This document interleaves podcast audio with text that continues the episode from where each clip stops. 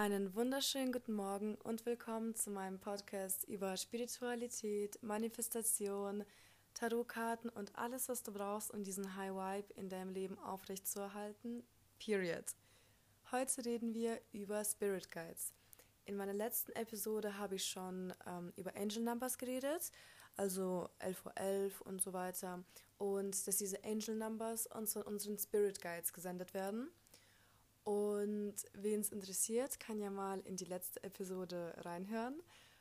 Ähm, und genau, auf jeden Fall heute erkläre ich dann, was Spirit Guides eigentlich sind und was sie machen, wie sie sich zeigen und wofür sie überhaupt da sind und wie man auch mit ihnen kommunizieren kann. Denn jeder von uns hat einen oder mehrere Spirit Guides. Wirklich jeder. Und diese Spirit Guides gehören nur uns. Also der Job von unseren Spirit Guides ist es nur, uns zu beschützen, uns auf unserem Weg zu leiten, dass wir von unserem Weg, der für uns bestimmt ist, nicht abkommen. Oder falls wir abkommen sollten, uns halt wieder drauf zu leiten. Und generell einfach unser Wohlergehen, das ist das Wichtigste, also der einzigste Job von unseren Spirit Guides. Genau. Und ja, sie kommunizieren mit uns durch ähm, Angel Numbers. Also, wie ich schon in, in der letzten Episode dann ähm, genauer erklärt habe, äh, wie man diese Angel Numbers richtig liest und genau, was man überhaupt mit denen anfangen kann. Aber nicht nur durch Angel Numbers, sie kommunizieren mit uns auch durch andere Menschen. Ähm, je höher unsere Intuition ist, Intuition, ähm, desto besser können wir mit unseren Spirit Guides kommunizieren. Also je offener wir generell sind für ähm, Vibrations, desto besser können wir mit unseren Spirit Guides kommunizieren. Ähm, bestimmt kennt es jeder, wenn man mit einer Person redet und dann oder einfach nur eine random Person zum ersten Mal trifft und man bekommt irgendwie so einen komischen Vibe von ihr. Oder man trifft eine andere Person und man bekommt gleich so einen richtig guten Vibe von ihr. Ähm, das sind diese Vibrations, die man dann ähm, spürt. Jeder von uns hat ja welche. Jeder von uns hat auch eine Aura. Ähm, es gibt ja auch diese, diese verschiedenen Fotoapparate, wie man eine Aura fotografieren kann. Und es gibt ja auch tatsächlich Menschen, die sehen dann die Farbe von der Aura, die du hast. Und das können tatsächlich mehr Menschen, als sie denken. Ich, ähm, ich kann das zum Beispiel und ich habe mich mal mit meinen Freunden drüber unterhalten. So, ja, wie findet ihr, also welche Farbe ist zum Beispiel jetzt, ich weiß nicht, sagen wir mal Marina. Ähm, und wenn man sich dann mehr so drüber unterhält, dann stellt man eigentlich fest, dass also meine Freunde die jetzt noch nie sich Gedanken über sowas gemacht haben, dass jemand vielleicht eine Farbe hat, so als Aura, äh, die haben dann tatsächlich mit mir übereingestimmt und wir haben dann sogar eine Diskussion gestartet, so, ja, ich finde sie ist lila, nein, ich finde sie ist eher in die bläuliche Richtung, so. Also in Wirklichkeit, jeder kann dieses Intuitive in sich ausarbeiten. Ähm, manche Menschen werden natürlich äh, so geboren, dass sie ein bisschen mehr veranlagt dafür sind aber ähm, jeder kann das wirklich ausarbeiten. Und ja, das geht eigentlich recht einfach durch äh, Meditation. Und es gibt auch verschiedene Intuitionstests auf TikTok, was ich immer super gerne mache ist, ähm, da hat man zum Beispiel irgendwie so einen Sandstein oder sowas, der dann zerquetscht wird mit so einem Messer. Ich weiß nicht, ähm, ob ihr wisst, was ich meine. Aber auf jeden Fall dann steht da so, ja, uh, guess which number is in the sand. Und dann ähm, kannst du deine Intuition testen und schauen, so in welche Richtung du geleitet wirst. Zum Beispiel, wenn da jetzt eine Nummer von 1 bis 5, bis 5 drin ist und du dir zuerst dachtest, das ist eine 4, ah nein, ich glaube, das ist doch eine 2 und am Ende war es eine 4, dann kannst du sozusagen den Pattern, also den, ähm, das Schema von, deinem, von deiner Intuition erkennen und ähm, besser verstehen und damit dann halt auch arbeiten. Ähm, ja, genau. wenn, ja, dann checkst du halt, ach so, meine Intuition funktioniert so, ich denke zuerst das eine und das ist dann meine Intuition und dann kommt aber mein rationales Denken ins Spiel und sagt mir irgendwas anderes. Ja, und so kann man das dann ausarbeiten und bei jedem ist natürlich anders, aber man muss einfach so, so ein Feingefühl dafür bekommen. Und zurück zu unserem Thema Spirit Guides. Ähm, je feinfühliger man ist, desto besser kann man dann halt auch mit den Spirit Guides kommunizieren. Es gibt auch Guided Meditations, also es gibt zwei Arten, wie man mit, mit ihnen kommunizieren kann. Einmal die direkte Art, durch Meditation, durch, ähm, ja, hauptsächlich durch Meditation. Dann kann man ihnen direkte Fragen stellen oder auch durch Journaling, wenn man in eine meditative State kommt. Ähm, dann gibt es auch so eine Methode, dass man einfach random anfängt zu schreiben. Irgendwie sage ich heute echt viel random. Ähm, dass man einfach anfängt zu schreiben, einfach runterrattern. So, ja, hallo, ich bin Elina, ich bin 18 Jahre alt, bla bla bla bla bla. Ich möchte gerne meinen Spirit Guide kennenlernen. Wie heißt du? Und du wirst geleitet von irgendetwas anderem. Einfach, du wirst geleitet.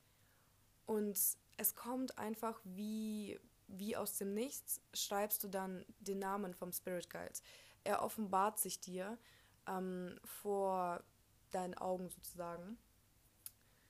Und so kannst du dann mit ihm halt kommunizieren.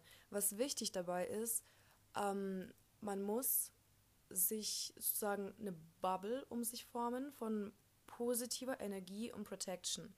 Denn wir sind 24-7 mit negativen Energien umgeben in dem Raum, wo du gerade sitzt, in der S-Bahn, wo du gerade fährst, in dem Bus, an der Bushaltestelle, wo du gerade auf den Bus wartest, überall befinden sich negative Energien, aber halt auch positive, also Energien sind überall. Wichtig ist halt nur, dass man sich von diesen negativen Energien protecten muss, beschützen muss. Und ähm, sonst kann man halt mit seinen Spirit Guides nicht offen kommunizieren, weil sie halt nicht durch diese negative Energie durchkommen. Genau. Ähm, oh, ich sag echt oft am, merke ich gerade. Am, am. Auf jeden Fall. Oh, ich habe gerade zum Tisch drüber geschaut. Ich muss noch Mathe lernen. Oh. Und ja, ich nehme einen Podcast auf, aber egal. Machen wir weiter. Äh, ja, dann gibt es äh, noch die Methode, was für den Anfang richtig gut ist, wenn man sich jetzt noch nicht irgendwie, wenn das, wenn die eigene Intuition noch nicht so ausgeprägt ist, dann ist die beste Methode, mit seinen Spirit Guides zu connecten, durch Guided Meditation. Das gibt es auf YouTube.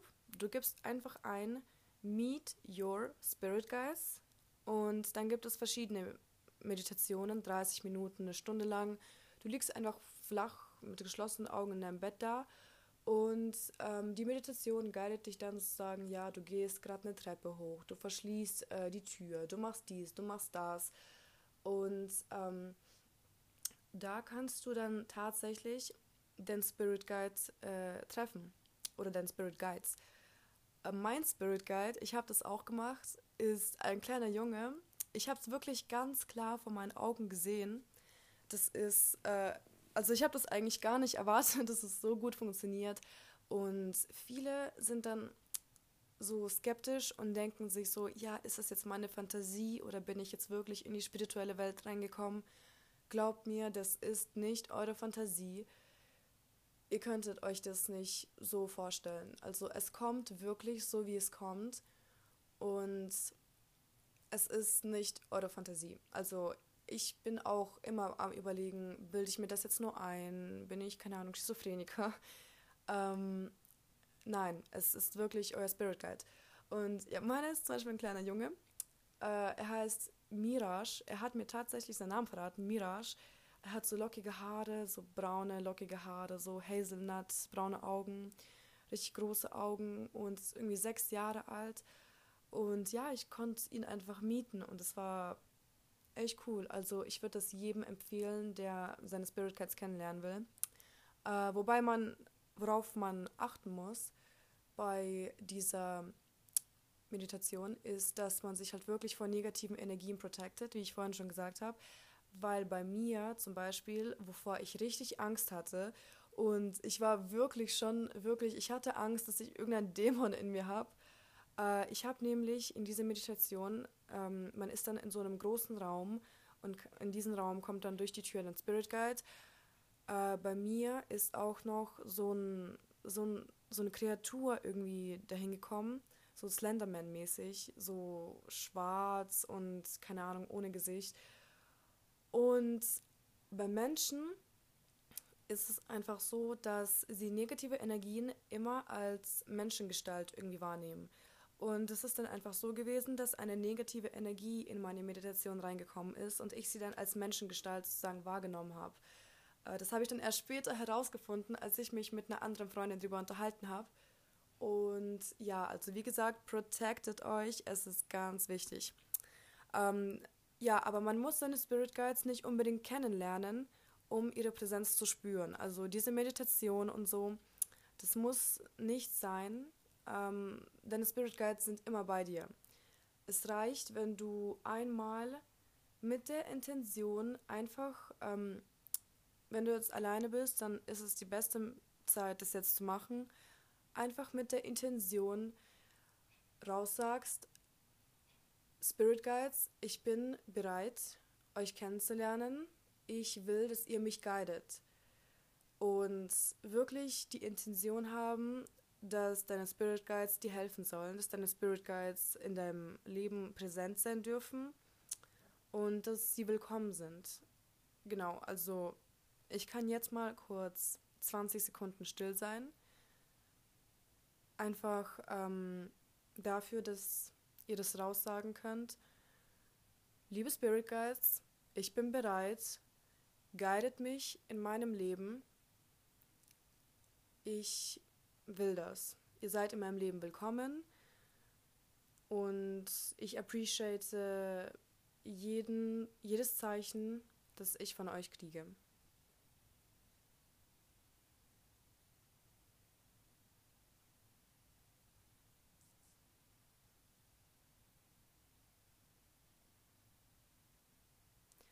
Okay. Ähm, wenn ihr das jetzt gemacht habt, dann solltet ihr in den, in den nächsten paar Stunden, Tagen Messages von euren Spirit Guides äh, kriegen. Sei es nur eine Angel Number. Also so 11.11 Uhr, 11, 12 Uhr 12, wie gesagt, ihr könnt euch gerne die Episode ähm, von mir davor anhören. Da erkläre ich das ein bisschen genauer.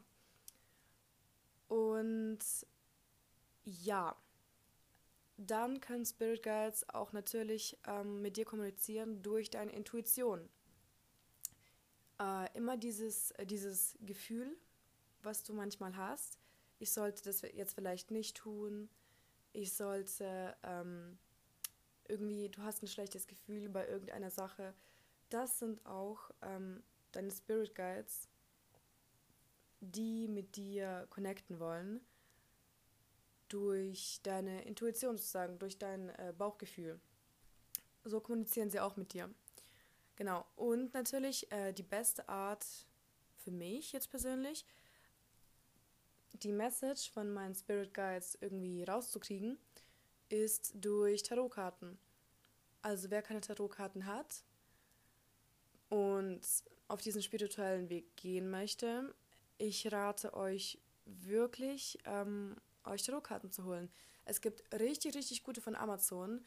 Ähm, ich weiß, wir sind alle broke. Diese Corona-Zeit, die ist nicht gut für uns alle, vor allem für die Leute, die in der Gastronomie arbeiten. Ich bin auch davon betroffen. Ich arbeite ja normalerweise im Hans im Glück, äh, diese Restaurantkette. Aber wegen Corona kann ich jetzt leider nicht arbeiten.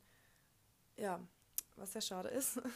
Aber auf jeden Fall zurück zum Thema. Diese Tarotkarten gibt es auf Amazon. Die kosten 20 Euro, glaube ich, ungefähr sowas. Die kommen in so einer weiß-orangen Box und die Tarotkarten selber sind nicht so groß. Ich würde sagen, jetzt so, keine Ahnung, maximal 20 cm, 15 cm eher. Nein, nicht 15 cm kleiner. Ich glaube so 10 cm. Ja, ist ja auch egal, auf jeden Fall. Ähm, äh, was sehr hilfreich ist, dazu kommt noch so ein kleines, dünnes Büchlein. Und das erklärt eigentlich die Legungen ganz gut. Ich ähm, mache dann die nächsten Tage auch einen Podcast über Tarotkarten selber. Äh, genau, dann ist es ein bisschen erklärender. Ich wollte es jetzt nur kurz anschneiden, weil das ja auch zum Thema Spirit Guides ein bisschen gehört. Da kann man ähm, auch durch die Tarotkarten mit den Spirit Guides sehr gut, sehr gut kommunizieren.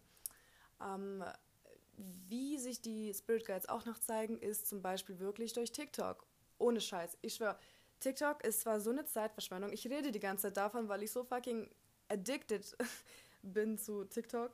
Aber ich schwör's euch, das ist wirklich, wirklich gut. So, man lernt auch sehr viele Sachen. Ich habe sehr viel ähm, über Manifestation und so habe ich von TikTok tatsächlich gelernt. Ich mache auch safe in Zukunft solche Podcasts ähm, über verschiedene Methoden, über verschiedene Manifestationsmethoden. Ähm, genau, oh, ich habe so viele Gedanken im Kopf. Ich freue mich schon richtig. oh mein Gott, einfach nur mein Wissen mit Menschen zu teilen, das bringt mir richtig Freude einfach.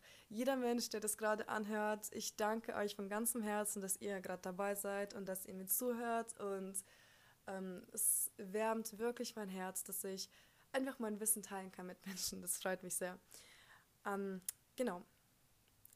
Ja, nochmal zu TikTok. Äh, man kommt, man kommt auf, äh, auf meine For You-Page, kommen dann solche Videos zum Beispiel, äh, mit Tarotkarten so, ja, Your Spirit Guides want you to know that bla bla bla bla bla. Deine Spirit Guides äh, wollen, dass du weißt, dass du jetzt das und das nicht machen sollst. Diese und diese Person in deinem Leben ist gerade scheiße für dich, diese und diese Person ist gerade gut für, de, für dich in deinem Leben oder deine Karriere läuft gerade gut äh, oder mach jetzt diesen Schritt, den du überlegt hast zu machen. Also durch TikTok kann man tatsächlich auch connecten mit seinen Spirit Guides. Und ja, ich finde das echt krass. Das ist auch einfach ähm, durch TikTok geht. Also sie sind wirklich, wirklich ähm, überall. Also ja, ich kann es gar nicht anders beschreiben. Es ist so groß. Ich kann gar nicht so viele Beispiele nennen, wie ich eigentlich ähm, sagen könnte, aber irgendwie fliegt mir das alles immer so aus dem Kopf. Aber was auch noch, eine letzte Methode, äh, die ich teilen möchte, ist, äh, was auch noch richtig gut ist, ähm, sobald ihr jetzt das ausgesagt habt, ähm, was, ja, was, was ich gerade vorhin gesagt habe, so ja, ich bin bereit, äh, mit euch zu connecten, meine lieben Spirit Guides. Ähm, wenn ihr noch ein Level höher gehen wollt, ihr könnt sagen, ich will in der nächsten Woche oder in den nächsten drei Tagen oder heute noch, ich will zum Beispiel einen orangen Smiley sehen. Also nicht irgendwas, was äh, man safe sehen könnte. Zum Beispiel gelbe Smileys sind, sind ja überall. Ähm, du kannst sagen, ich will einen orangen Smiley sehen. Und sie werden, sie werden dir einen orangen Smiley zeigen. So, wenn du ähm, die Frage so stellst, wenn es euch gibt, ich möchte, dass ihr mit mir connectet durch einen orangen Smiley. Ich will, dass ihr mir in den nächsten drei Tagen, dieses Zeitlimit ist ganz wichtig, ihr müsst wirklich ein Zeitlimit äh, setzen. Ähm, ich möchte, dass ihr mir in den nächsten drei Tagen einen orangen Smiley zeigt.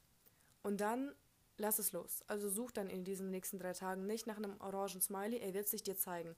Ich habe das gleiche mit einem grünen Smiley gemacht. Und grüne Smileys gibt es ja eigentlich nicht so oft. Also, ich weiß nicht. Auf jeden Fall, ähm, ich bin dann zum Lotto gegangen, um mir Kippen zu kaufen. Und ich gehe nie zu diesem Lotto. Ich war irgendwie aus Zufall gerade in dieser Gegend und ähm, wollte dann zu Lotto gehen. Und dachte mir, ja, okay, ich gehe mal zu diesem Lotto und bin an so einem Friseurladen vorbeigegangen. Und da war so eine ähm, so ein Poster, so ein Aushang, ja heute irgendwie so und so viel Rabatt oder ich habe gar nicht gelesen, was auf dem Poster stand. Aber auf jeden Fall, da waren so drei grüne Smileys drauf gezeichnet. einfach drei grüne Smileys. Und ich dachte mir so, wow, wow, Dankeschön. Und auch was ganz wichtig ist, nachdem ihr dieses Zeichen bekommen habt, boah, ich hoffe, ich rede gerade nicht so schnell, ähm, nachdem ihr dieses Zeichen bekommen habt, unbedingt Dankeschön sagen. Danke, liebe Spirit Guides, ich habe es gesehen, ich habe es appreciated. Und ja, und so könnt ihr eigentlich immer mit euren Spirit Guides kommunizieren. Ähm, wenn ihr wollt, wenn ihr irgendwas äh, von ihnen wissen wollt und, oder eine Frage habt, dann müsst ihr nicht unbedingt in diese Meditationsstate gehen, um mit ihnen direkt zu sprechen, direkte Kommunikation zu haben. Ihr könnt auch einfach äh, die Intention setzen. Ihr müsst es nicht mal laut aussprechen. Ihr könnt es euch einfach nur denken. Spirit Guides, wenn ich mit diesem Typ zusammenkommen soll, wenn ich diese Investition machen soll, wenn ich, äh, keine Ahnung, das und das machen soll, gib mir ein Zeichen. Ich will in den nächsten drei Tagen das und das sehen. Ich will in den nächsten drei Tagen von jemandem diesen Satz hören. Keine Ahnung, die rote Blume riecht sehr gut. Oder irgendwas richtig einfach random. Und ja, und so könnt ihr mit ihnen immer kommunizieren. Ich sag's euch, es klappt. Fangt mit etwas kleinerem an, wie zum Beispiel einfach ein grüner Smiley oder ein oranger Smiley oder ein weiß ich nicht, eine rosa, lila, rote Blume. Ich weiß es nicht. Ähm, genau.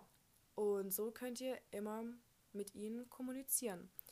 Äh, denn jeder von uns hat Spirit Guides. Also wirklich jeder von uns. Ähm, die meisten von uns haben es nur noch nicht ganz realisiert und haben noch nicht mit ihnen connected. Aber ja, ich will diesen Podcast auch eigentlich kürzer halten, ähm, weil ich noch Mathe lernen muss. Oder ja, ich weiß gar nicht, wie ich mein Abitur dieses Jahr schaffen soll. Ich weiß nicht, gibt es Leute da draußen, die äh, auch ihr Abitur irgendwie Angst haben, es dieses Jahr nicht zu bestehen. Also ich kann da ja nicht die Einzige sein. Schon dieses Jahr ist echt Krise, Krise, Krise, Krise. Ähm, ja, auf jeden Fall, das war's dann heute zu meinem Podcast über Spirit Guides. Ich hoffe, ich habe euch weiterhelfen können. Ich hoffe, ihr hattet Spaß beim Zuhören und habt viele Informationen aufsammeln können. Und ja, wenn euch mein Podcast gefallen hat, könnt ihr ihn gerne in eurer Story irgendwie auf Insta oder auf anderen Social Media Seiten reposten. Dann können mehr Leute ähm, von dieser Information erfahren. Und wenn ihr auch irgendwelche Anmerkungen oder so habt, ihr könnt mir gerne auf Instagram schreiben. Ich antworte jedem, absolut jedem. Äh, ich heiße Lina, I-V-A-S-I-V-A. Lina Ivaisiva auf Instagram. Genau, könnt mir gerne folgen und falls ihr irgendwelche Anmerkungen habt, ähm, Kommentare, könnt ihr mir das gerne schreiben. Ich bin immer offen für Kritik. Und ja, ich hoffe, ihr habt noch einen wunderschönen Tag. Vielen Dank fürs Zuhören und wir sehen uns beim nächsten Mal. Wir hören uns beim nächsten Mal. Mua.